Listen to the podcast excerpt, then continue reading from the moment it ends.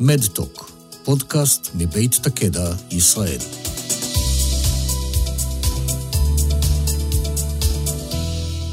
שלום רב, כאן אוד גונדר עם פרק חדש של מדטוק, פודקאסט מבית תקדע, ישראל. הפרק הנוכחי מיועד במיוחד למטופלים הנערכים לפגישה ראשונה עם רופא הגסטרו. כאשר אתם מופנים לייעוץ אצל רופא מומחה בגסטרו בנושא הקשור במחלות מעי דלקתיות, מומלץ להגיע מוכנים. מה צריך המטופל לעשות, מה לבדוק, למה לשים לב, כדי להגיע מוכן ככל האפשר. היום נשוחח עם דוקטור הנית ינאי, מנהלת היחידה למחלות מעי דלקתיות בבית החולים בלינסון, שתענה על שאלות אלה ואחרות. שלום, דוקטור ינאי. שלום, ערב טוב. מה צריך המטופל לשמוע מרופא המשפחה שלו לקראת הייעוץ אצל רופא הגסטרו? רופא המשפחה צריך לבצע איזושהי הערכה ראשונה ולספר למטופל שלו מה מידת החשד, מדוע הוא שולח אותו לרופא הגסטרו, והאם הוא צופה שרופא הגסטרו יבצע בדיקות מסוימות כדי להגיע לכדי הבחנה או לשלול הבחנה של מחלת מעי דלקתית פוטנציאלית.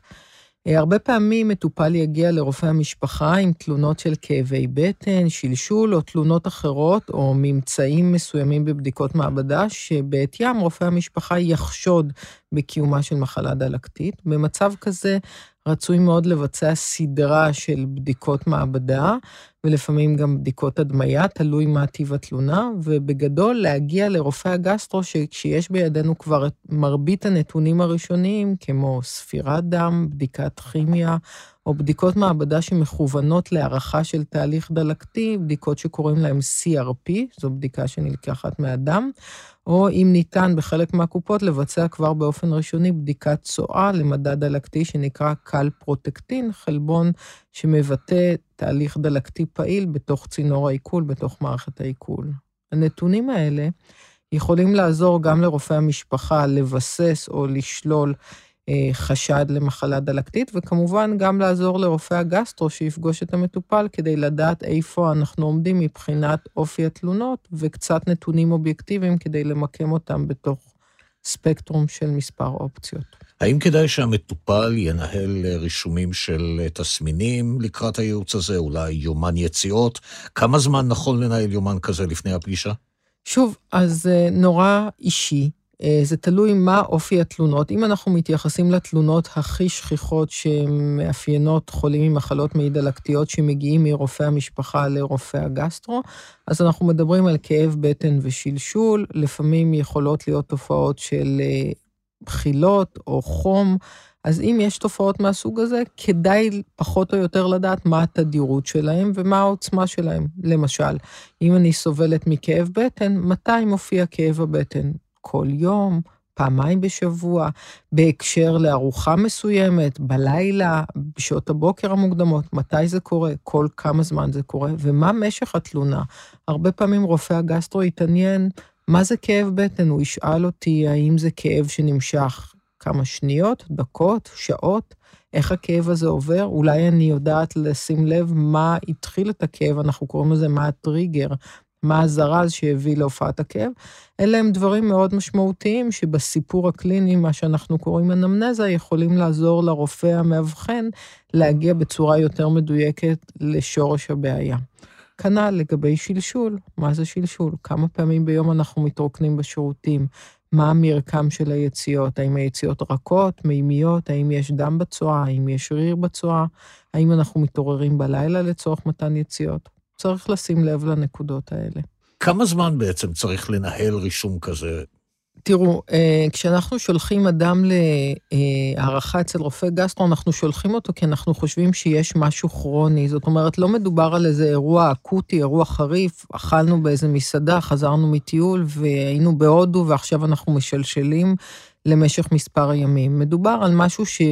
התלונה היא ממושכת יותר. אדם מתלונן שמעבר לשבוע או שבועיים או שלושה יש שלשול שלא חולף. רופא המשפחה עשה סט של מספר בדיקות, אה, כרגע התמקדנו בשלשול, שלל זיהום, במקרה הזה ששלשול הוא התלונה הדומיננטית, אז צריך לשלול זיהום, אז הנה יש עוד סט של בדיקות מעבדה שצריך לקחת בחשבון, כמו בדיקות צואה לתרבית, או בדיקות, היום עושים בדיקות מולקולריות למגוון מחוללים זיהומיים, או לטוקסין, רעלן של חיידק שנקרא קלוסטרידיום. אז אחרי ששללנו את האופציות הללו, אנחנו בעצם מבצעים את ההערכה המעבדתית, והמטופל בצד שלו עושה הערכה אה, קלינית מה מפריע לו, ומספר מה קרה בשבועיים, שלושה, או תלוי מה משך התלונות. אם למישהו יש תלונות חצי שנה, אז הוא צריך פחות או יותר להעריך מה משך התלונות. אני לא מצפה שמטופל יבוא אליי עם יומן מסודר של רישום, אני מצפה שהוא יבוא ויספר לי מתי התחילו להופיע התלונות שבגללן הוא הופנה אליי לברר מה יש לו או מה יש לה. ושהוא יוכל לתאר בצורה הכי מדויקת שאדם יכול לתאר מה מפריע לו. והדיוק אה, נובע מתוך תיאור של הסימפטום. אז כמו שהזכרתי קודם, מדובר על מה התדירות של ההתקפים, מה המשך של ההתקפים ומה המאפיין שלהם. זאת ההיסטוריה האישית, אבל מה לגבי ההיסטוריה המשפחתית? האם רופא הגסטרו יתעניין גם בהיסטוריה המשפחתית, במחלות מעי דלקתיות, במחלות אחרות? אז התשובה היא כמובן ובוודאי, משום שכשאנחנו מדברים על מחלות אה, כרוניות או מחלות דלקתיות כרוניות, אנחנו מדברים על מצב של מחלה מורכבת. אנחנו לא יודעים בעצם מה גורם לבעיות הללו, אבל אנחנו יודעים שיש כמה אספקטים שהם רלוונטיים. יש סיפור משפחתי רלוונטי, משום שיש איזשהו הקשר גנטי. זוהי לא מחלה גנטית שעוברת בתורשה מאב לבנו, אבל יש קשר גנטי, ואנחנו מוציאים אה, פרטים בתוך משפחות שלחלקם יש מחלה כזו או אחרת. אז מאוד חשוב לדעת אם יש לנו אח או אחות, אב או אם, או קרובי משפחה גם מדרגה שנייה, שיש להם מחלת מעי דלקתית כרונית, ואולי גם מחלות דלקתיות כרוניות אחרות, כמו דלקת מפרקים, פסוריאזיס או מחלות כרוניות אחרות, שיכולות להיות בקשר מסוים להבחנה של מחלת מעי דלקתית כרונית. זה המון מידע, אז בעצם יש אולי מידע נוסף שחשוב שאני אספר גם אם לא שאלו אותי? כן. חשוב לדעת האם לאורך שנות חייך היית אי פעם מאושפז בבית חולים, האם עברת איזשהו ניתוח, אה, האם אתה זוכר מתקופות קדומות יותר אירועים שבהם היו לך תופעות דומות שאחר כך חלפו, נעלמו, ופתאום כרגע שוב צצות? ויש גם אלמנטים נוספים שהם לא קשורים בהכרח רק לצינור העיכול או למערכת העיכול. מחלות מעי דלקתיות יכולות לערב גם מערכות גוף אחרות, כמו העור, המפרקים או העיניים.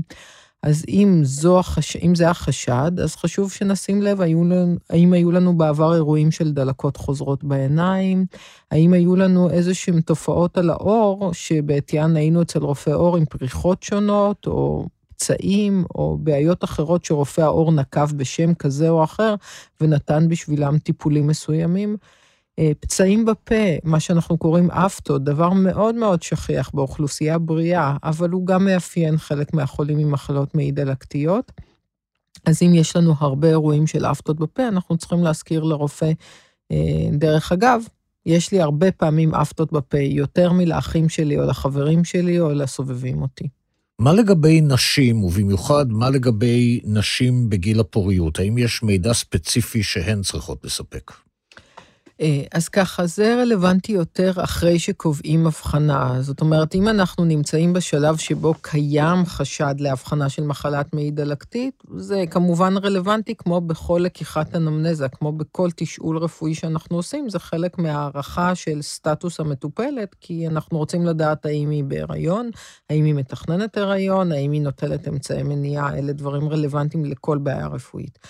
אחרי שנקבעת הבחנה של מחלת מעי דלקתית כרונית, לעניין הפריון יש הרבה מאוד חשיבות בתוך תהליך גזירת האופציות של טיפול תרופתי או טיפול רפואי כזה או אחר, כי יש אסטרטגיות טיפול מסוימות שנחשבות אה, בטוחות יותר, או שיש עבורן יותר מידע לגבי ההשפעה שלהם על ההיריון והעובר, ויש אה, תרופות אחרות או אסטרטגיות אחרות שהן פחות אופטימליות, או אולי אפילו אסורות. אז uh, הפרמטר הזה הוא בהחלט משהו רלוונטי, אבל יותר אחרי קביעה של ההבחנה. למה צריך המטופל או המטופלת לצפות בפגישה עצמה עם הרופא? איך יתנהל המפגש, הדיאלוג ביניהם? אה, אז הדיאלוג עם רופא הגסטרו הוא מאוד דומה לדיאלוג שרוב המטופלים מכירים ממפגש עם רופא המשפחה. ייתכן שמשך המפגש יהיה ארוך יותר, שוב, זה בתלות במטופל ובתלות ברופא או ברופאה המטפלת, אבל הפגישה תארך על ידי תשאול קצר. אה, בדרך כלל מטופל יספר מה הביא אותו לרופא, ואז הרופא ישאל סדרה של שאלות. השאלות בהתחלה תתמקדנה בתלונות, באופי התלונות, במהלך בציר הזמן. כמו ששאלת אותי קודם, אוד, הוא ישאל קצת שאלות על הסיפור המשפחתי, הוא ישאל קצת שאלות על מחלות הרקע, מחלות הרקע אצל בני המשפחה, היסטוריה רלוונטית שהזכרתי קודם, כמו ניתוחים, או אירועים קודמים של תופעות דומות שהיו לאורך ציר הזמן בחיים של אותו אדם. ואז תהיינה מספר שאלות שרלוונטיות לצריכה של תרופות או הרגלי חיים. האם האדם שהגיע אלינו להערכה בחשד למחלת מעי דלקתית נוטל תרופות קבועות? למשל, תרופות מהמשפחה שאנחנו קוראים לה באנגלית NSAID או NSAIDs, שזה ראשי תיבות של Non-Steroidal Anti-Inflammatory, או תרופות שהן לא סטרואידים ומטפלות בדלקת, תרופות מאוד שכיחות שחלקן נרשמות על ידי רופאים ראשונים, חלקם על ידי רופאים מומחים וחלקם בלי מרשם. הציבור הרחב צורך את התרופות האלה באופן די שכיח, והן לפעמים יכולות להשפיע על תופעות במערכת העיכול, או להחמיר או לעורר תהליך דלקתי, אז זו שאלה שאתה עשוי או את עשויה להישאל עליה. אה, יש לפעמים קשר לצריכה של תרופות כמו אנטיביוטיקה, תרופות אה, שהן אמצעי מניעה או הורמונים, לכל הדברים האלה יכולה להיות השפעה על התופעות הגופניות שמהם אדם מסוים סובל, והם יילקחו בחשבון בתוך התשאול. השלב הבא, אחרי השאלות שאותו רופא גסטרו ישאל, אותך או אותך, יהיה שלב שבו הרופא יסתכל על בדיקות שבוצעו על ידי הרופא הראשוני ששלח אותך להערכה. אז הזכרנו קודם בדיקות דם פשוטות, או בדיקות צואה. בדיקות דם הן בדיקות שינסו להעריך מצב של דלקת, וגם מצב של איזושהי פגיעה בתפקוד של מערכת העיכול, שיכול לנבוע מתופעה יחסית ממושכת, שפוגעת בפונקציה של מערכת העיכול, שהתפקיד שלה העיקרי הוא לספוג אה, חומרי מזון או... מה שאנחנו קוראים נוטריאנטים. אז אנחנו מבקשים לראות ספירת דם כדי ללמוד אם יש למשל אנמיה. ואנחנו רוצים לראות אם יש חסרים של ברזל או ויטמינים, ואנחנו רוצים לראות מדדים של תהליך של דלקת שציינתי כבר קודם, כמו מדד שנקרא CRP בדם, ולפעמים מדד של דלקת מתוך צינור העיכול, שזה מדד של חלבון שנקרא קל פרוטקטין, שאותו אנחנו מודדים בבדיקות צואה. אז רופא יסתכל על כל הבדיקות האלה ויגיע לאיזושהי מסקנה, האם הבדיקות מכוונות אה, לאשש את ההבחנה או לשלול אותה. ואז אם הוא ישאל אותך אם יש בדיקות אחרות שעשית, כמו צילומים מסוימים, בדיקות הדמיה מסוימות, בדיקות אנדוסקופיות, אולי כבר עברת בעבר איזושהי בדיקה אנדוסקופית בהתוויה אחרת. כל הדברים האלה יילקחו בחשבון. ואז אחרי בדיקה גופנית קצרה, הרופא המומחה לגסטרואנטרולוגיה יעשה איזשהו תכלול של כל המידע שקיבל, ויגיע לאיזושהי מסקנה, האם הוא חושד או לא חושד במחלת מעי דלקתית, ומפה הוא יתווה את המשך הבירור או הטיפול בהתאם לממצאים שיוצגו בפניו. מציגים בפניי את המשך הבירור, את המשך הטיפול. אה, מה חשוב לא לשכוח לקבל מרופא הגסטרו רגע לפני שאני יוצא לעשות את הבדיקות הבאות? אה, תלוי מהם הבדיקות, אבל נניח שרופא הגסטרו ישלח אותך לעשות בדיקות אנדוסקופיות, שאלה הן בדיקות מאוד טיפוסיות אה, שמאפיינות רופא גסטרו, כי זה בעצם לחם חוקינו. בבדיקות האנדוסקופיה אנחנו בדרך כלל בודקים את מערכת העיכול התחתונה, כשאנחנו חושדים במחלת מעי דלקתית, ולפעמים גם את מערכת העיכול העליונה. לבדיקה של מערכת העיכול התחתונה קוראים קולונוסקופיה, ולבדיקה של מערכת העיכול העליונה קוראים גסטרוסקופיה.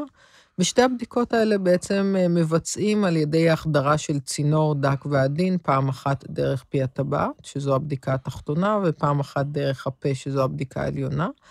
ובאמצעות אותו מכשיר שמכניסים אה, לצינור העיכול, סורקים את הקטע של המעי, או מערכת העיכול שנבדקת, ומחפשים לראות אם יש תהליכים דלקתיים.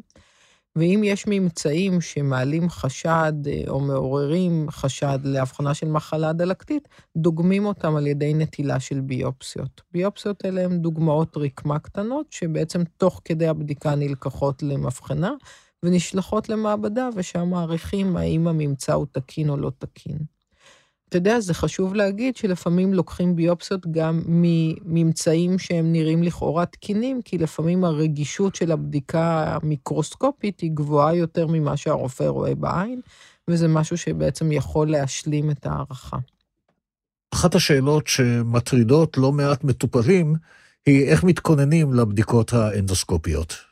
אז זו שאלה מאוד חשובה. אה, לבדיקת הגסטרוסקופיה, אותה בדיקה אנדוסקופית שמבוצעת מהפה, ההכנה היא יחסית מאוד קלה. אנחנו צריכים לשמור על צום, צום ממוצקים למשך שמונה שעות, ורצוי לשמור על צום מנוזלים לפחות שעתיים, אפילו המחמירים אומרים שלוש וארבע. זו הכנה יחסית מאוד קלה. לבדיקת הקולונוסקופיה נדרשת הכנה קצת יותר מורכבת. כאן בעצם אנחנו פועלים כמו איזשהו אינסטלטור שרוצה להסתכל על צינור העיכול ורוצה למצוא אותו נקי מתוכן.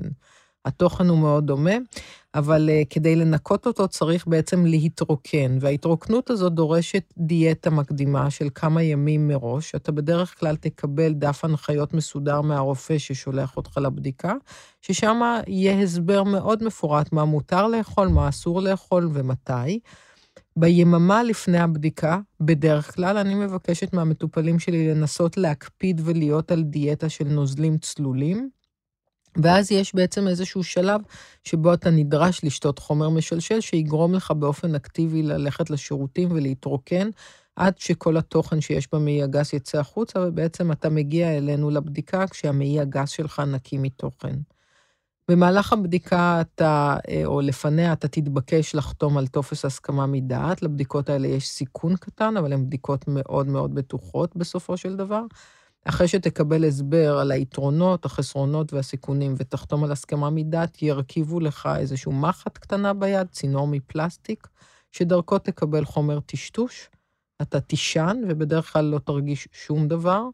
הבדיקה נערכת uh, תוך דקות ספורות, לפעמים עד 20 דקות, וכמו שהסברתי, במהלכה יילקחו הדגימות הרלוונטיות, אתה תצא מסוף הבדיקה להתאושש, ואחרי כשעה תוכל בדרך כלל ללכת הביתה, אחרי שקיבלת הסבר לגבי התוצאות והמשך הטיפול והמעקב.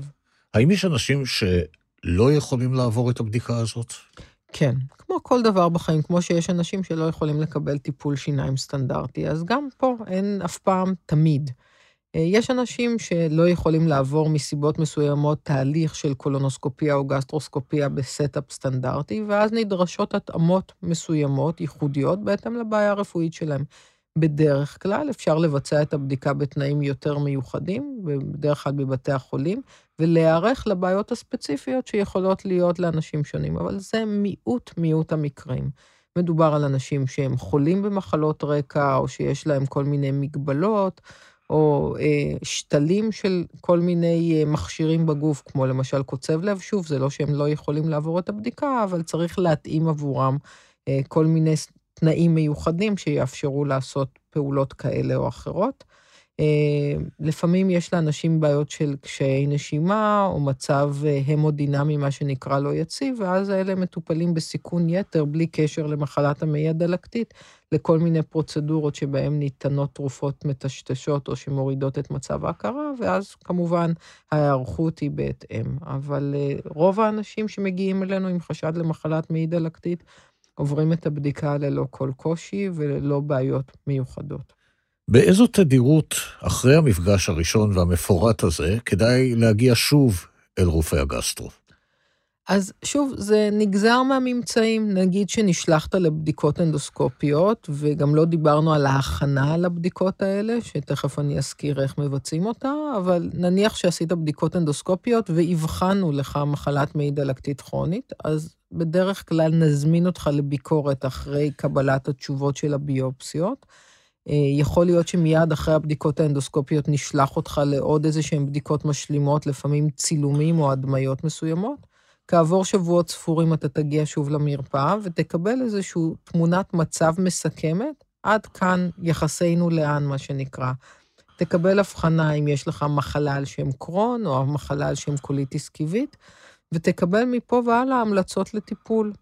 לפעמים אנחנו אפילו נותנים את ההמלצות הראשוניות לטיפול כבר מיד אחרי ביצוע הבדיקה הראשונה, וזה שוב תלוי במצב של המטופל או המטופלת והממצאים שמצאנו.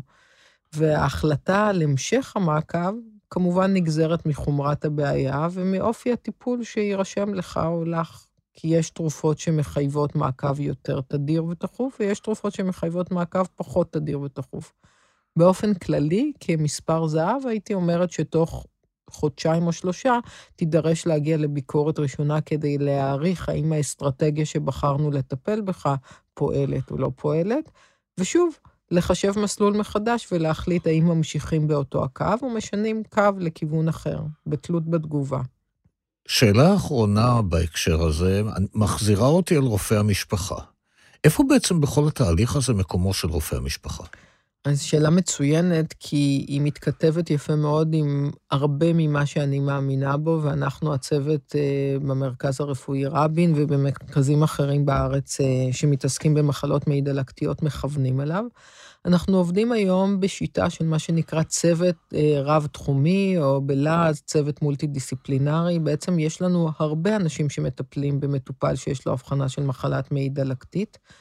כי המטופל הזה צריך אה, הרבה מאוד בדיקות, הרבה מאוד מעקב, הרבה מאוד התייחסות לכל מיני תופעות שהן לא בהכרח נובעות אך ורק מהדלקת, ובעצם בתוך התהליך המורכב הזה של טיפול, רופא המשפחה יכול וצריך להיות, לראייתי, חלק אינטגרלי מהצוות. זו דמות מקצועית שיכולה לעזור לנו בניטור ומעקב אחרי הרבה מאוד תופעות שהן רלוונטיות כדי להחליט האם האסטרטגיה שבה בחרנו פועלת או לא פועלת. כדי לדעת את הדבר הזה, כמו בכל דבר בחיים, אנחנו צריכים למדוד. אנחנו מודדים כל מיני דברים. לא לחץ דם, אבל למשל, בדיקת מעבדה מסוימת. תגובה לטיפול שיכולה להתבטא באיזשהו אה, מדד מעבדתי או מדד אחר. ואת כל הדברים האלה רופא המשפחה יכול בהחלט לעשות. ולשים לב מבעוד מועד, עוד לפני התאריך, למשל, המתוכנן לביקורת, שאסטרטגיה מסוימת אינה עובדת, ולעזור ולחבר את המטופל עם הרופא המומחה בבית החולים או במרכז הרפואי, שם פגשת את הגסטרואנטרולוג, או אולי אפילו להתייעץ איתו וכבר להחליף או להתאים את האסטרטגיה מבעוד מועד, בלי להצריך אה, מפגש רפואי נוסף מוקדם יותר עם המומחה ולאפשר נגישות וזמינות טובה יותר כדי להגיע לאופטימיזציה של טיפול בזמן הקצר ביותר. אז רופא המשפחה הוא מרכזי לראייתי. הוא יכול לטפל, בדוג... לדוגמה, באנמיה, בחסרים שונים. הוא יכול לתגבר מינונים של תרופות מסוימות, אם יש צורך, או להפחית תרופות אם הן מזיקות או לא נדרשות. דוקטור רנית ינאי, מנהלת היחידה למחלות מעי דלקתיות בבית החולים בלינסון, תודה שהיית איתנו היום. תודה רבה, להתראות. עד כאן במהדורה הזאת של מדטוק, הפודקאסט מבית תקדע ישראל. למידע נוסף בנושא קרון וקוליטיס קיבית, אתם מוזמנים לבקר באתר ibd360.co.il.